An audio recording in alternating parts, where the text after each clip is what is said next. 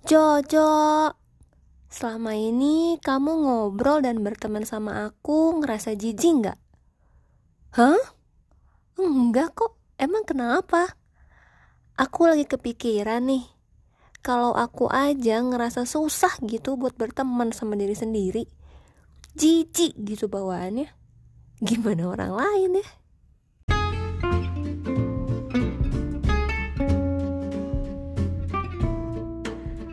Halo, aku Jojo dan juga Joan. Ini adalah podcast yang berisi tentang pembicaraanku dengan diri sendiri. Selamat datang di dunia Jojo dan Joan. Misalnya nih Jojo, ketika ada orang yang bilang, coba deh temenan sama diri sendiri dulu.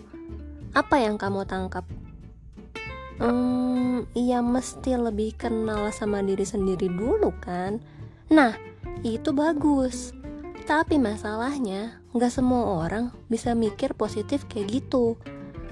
Bisa aja orang itu bakal mikir, tuh kan, orang-orang mah pada nggak peduli sama aku nih, nggak mau temenan sama aku. Ujung-ujungnya mesti aku juga kan yang ngurus sendiri-sendiri. Hmm. Padahal kan maksudnya bukan ingin lepas tanggung jawab atau nggak peduli. Maksudnya itu supaya kita bisa kenal dan kembangin diri dengan optimal. Menurutku, kalau seseorang nggak kenal sama diri sendiri, nggak tahu apa kelebihan dan kekurangan dia, terus udah gitu malah jadi terus-terusan ngerasa insecure sama kekurangannya, itu malah jadi nggak asik, toxic gitu buat orang lain. Nah, lama-lama nih, orang lain juga bakal capek kan temenan sama orang kayak gitu. Hmm, iya bener juga sih. Nah, uniknya nih, kita ini sebagai manusia cenderung menarik apa atau siapa yang mirip atau cocok dengan kita, bukan menarik apa atau siapa yang kita inginkan. Dan dalam mendapatkan pasangan pun begitu. Ingat kan pembahasan kita soal tipe ideal di season sebelumnya? Sewaktu aku cerita tentang nulisin tipe idealku, Tahu-tahu aku sadar, eh kok tipe idealku itu ternyata kayak aku sendiri ya? Ya memang begitu. Jadi, menurutku ya Jojo, cerita-cerita di komik atau novel yang menceritakan tentang seorang perempuan insecure tapi baik hati yang berhasil menggait laki-laki kayak Raya, dingin, kesepian itu perlu dikurangi deh. Apalagi kalau dua pribadi itu punya latar belakang yang sama-sama bermasalah dan belum diselesaikan. Jiwa mereka masih penuh luka. Bayangin aja, dua pribadi ini bagaikan dua gelas kosong. Mereka mau saling bertukar gelas berkali-kali juga tetap aja haus. Kemungkinan mereka untuk bisa berakhir bahagia itu kecil menurutku. Lebih besar kemungkinannya bagi mereka untuk saling merusak satu sama lain. Parahnya, cerita fiksi semacam itu masih banyak bisa kita temuin di mana-mana dan digandrungi terutama oleh kalangan remaja. Ih, dulu aku pun termasuk yang termakan dengan buaya yang cerita kayak gitu loh, Joan. Oh iya? Iya beneran. Buatku sendiri ya, itu jadi kayak kasih ilusi seolah-olah orang yang insecure rendah diri itu menarik. Lalu tokoh yang insecure itu bisa mengubah seseorang yang dingin, kesepian menjadi seseorang yang terbuka, ceria, ya yang sempurna gitu deh pokoknya. Jojo ya ternyata. Dan betul yang kamu bilang tadi Joan, aku yang kayak begitu, menarik pasangan yang kurang lebih juga seperti itu. Jadi ya hubungannya lebih banyak saling menyakiti daripada saling mengasihi. Nah betul kan? Terus kamu pengen untuk mengubah dia nggak? Iya, betul banget. Aku kayak yang punya keinginan kuat untuk mengubah orang ini jadi lebih baik sesuai standar aku. Nggak ngaca, padahal aku sendiri masih kacau balau. nah, terbukti kan? Malah bawa malapetaka. Betul, Joan. Memang sih, ketika benar-benar mengakhiri hubungan semacam itu sakit banget ya Tapi langgeng atau putus, putus baik-baik atau enggak baik-baik, punya pengalaman hubungan asmara itu sama-sama kasih pelajaran buat kita kan. Dan selama itu, kukira kita jadi belajar juga orang seperti apa kita dan orang seperti apa yang akan cocok sama kita di hubungan selanjutnya. Hmm, cukup bijak. Terus kamu sendiri menilai kamu termasuk yang beruntung atau kurang beruntung nih dalam percintaan Jojo? Kayaknya kurang ya. Kamu juga gitu kan, Joan? iya deh, sama-sama. Kalau gitu, ayo kita pegangan tangan, kita hadapi ini bersama ya.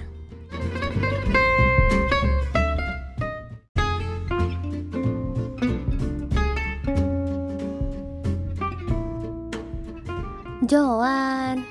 Hmm. Kalau beli roti isi nih, biasanya kamu bakal beli roti yang kamu suka kan? Atau seenggaknya kamu tahu itu isinya apa dan udah kebayang kayaknya itu bakal enak. Um, nah iya betul. Kadang sesekali bisa aja sih cobain yang bener-bener nggak kebayang rasanya kayak gimana. Kalau lagi penasaran banget.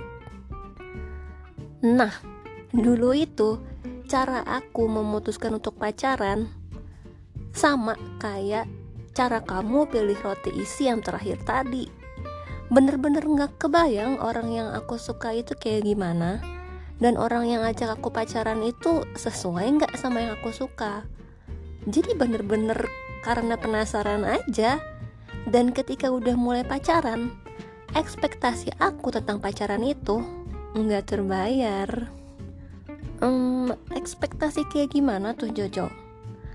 Iya, mulai dari yang cetek deh.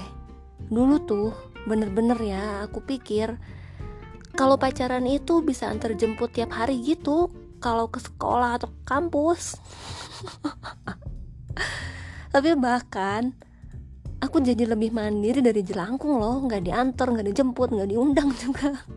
Ih, sekarang sih memang ini kedengarannya lucu gitu ya.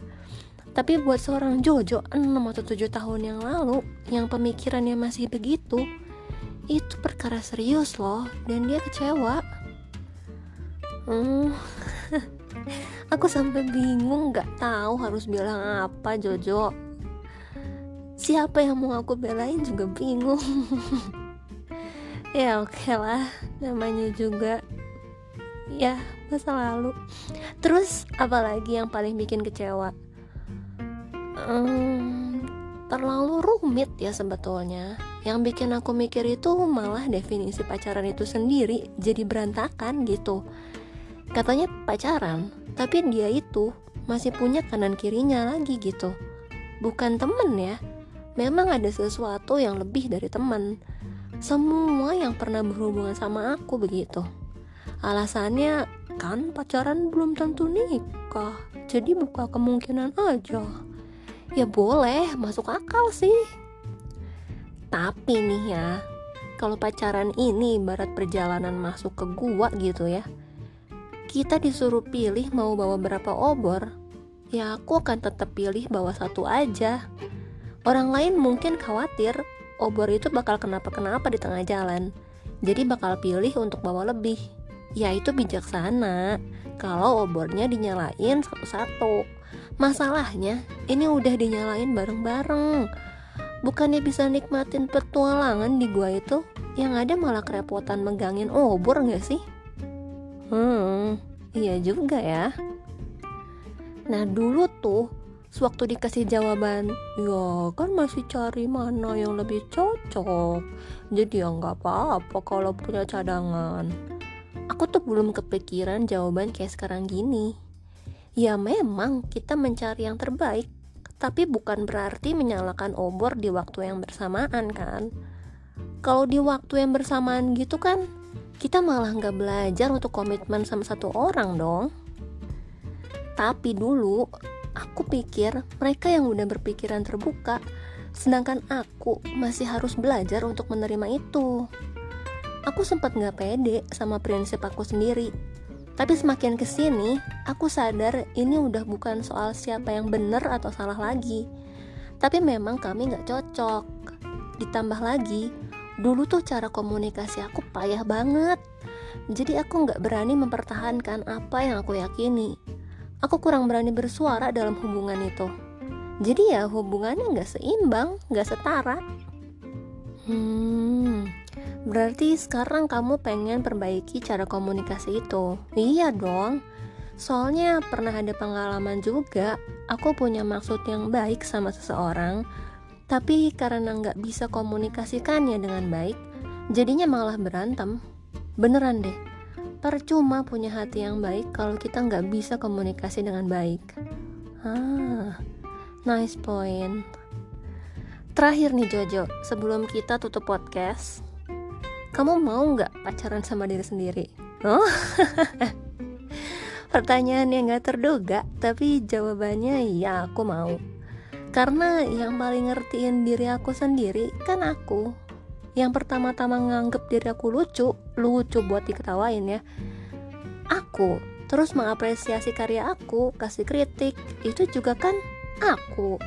Tanpa banyak omong, aku udah tahu apa yang aku mau. Hemat energi banget kan? Jadi kenapa enggak? Oke deh, langgeng ya Jojo dan Joan. Hmm, yang maskulinnya Jojo, femininnya Joan. Hai, baiklah. Karena udah semakin ngaco, lebih baik kita cukupkan saja podcast kali ini. Tapi sebelumnya, aku ingin sampaikan banyak terima kasih pada kalian yang udah dengarkan podcastku sejauh ini. Maafkan kalau ada salah kata yang membuat kalian ngerasa gak nyaman. Kalau kalian suka dengan podcast ini dan merasa bermanfaat, boleh bantu bagikan episode ini ke media sosial mana pun yang kalian mau. Kalian juga boleh klik follow podcast ini dan akun Instagramku bagi yang belum, Joan Oktaviani.